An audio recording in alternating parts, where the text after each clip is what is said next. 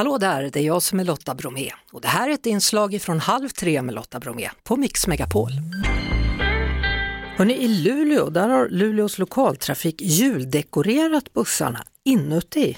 Anna Koval Lindbäck är marknads och kommunikationschef. Välkommen till Halv tre. Tack så jättemycket. Du, hur kom ni på den här idén att, att julpynta bussarna?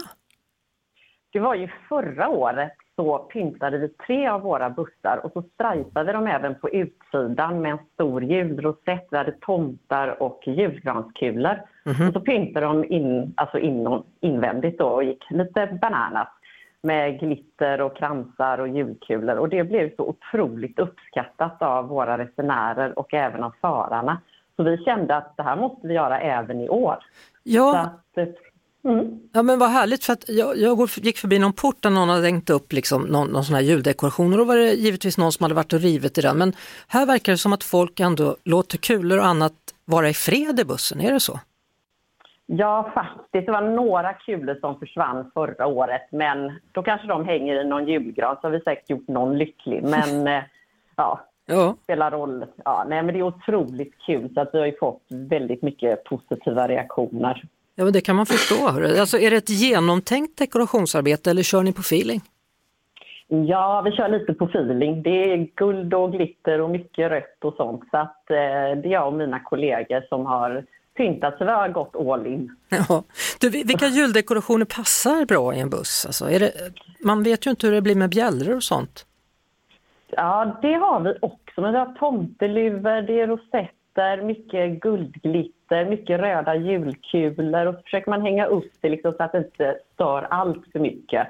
Men vi har försökt piffa där det går. Ja, jag älskar ju det där men jag kan tänka mig att, att det kan komma en och annan julhatare, eller har ni sluppit dem? Ja, men det, vem vill vara grinchen på jul? det brukar alltid finnas någon, men det är skönt om det inte finns i Luleå. Eller? Ja, det, finns, det finns det säkert, men jag har då inte hört någonting i alla fall. Så vi får väl hoppas att, eh, ja, att de inte säger så mycket. Nej. Hur mycket julmusik har ni i, i bussen då?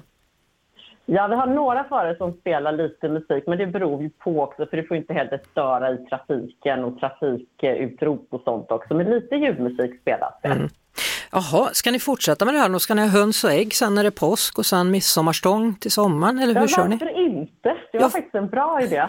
Ja, lite du vet så här, karameller, påskkarameller och julgodis och sådana häxor som far omkring. Ja, det var faktiskt en bra idé. Det kanske, ja, varför inte? Ja. Påskbussar och sånt. Ja, men det känner, vi har ju fått lite press nu att inför nästa år, då måste vi kanske gå in på fler bussar. Ja, om nu andra kommuner som lyssnar då har bussföretag vill ha hjälp kan de kontakta dig då och fråga så att de har rätt, köper in rätt antal kulor och annat som behövs? Absolut. Ja, vad bra.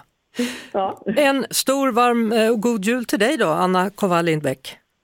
Du detsamma till dig. God jul! God jul och grattis alla ni som bor i Luleå. Vi hörs såklart på Mix Megapol varje eftermiddag vid halv tre. Ett poddtips från Podplay. I podden Något Kaiko garanterar östgötarna Brutti och jag, Davva, dig en stor dos skratt.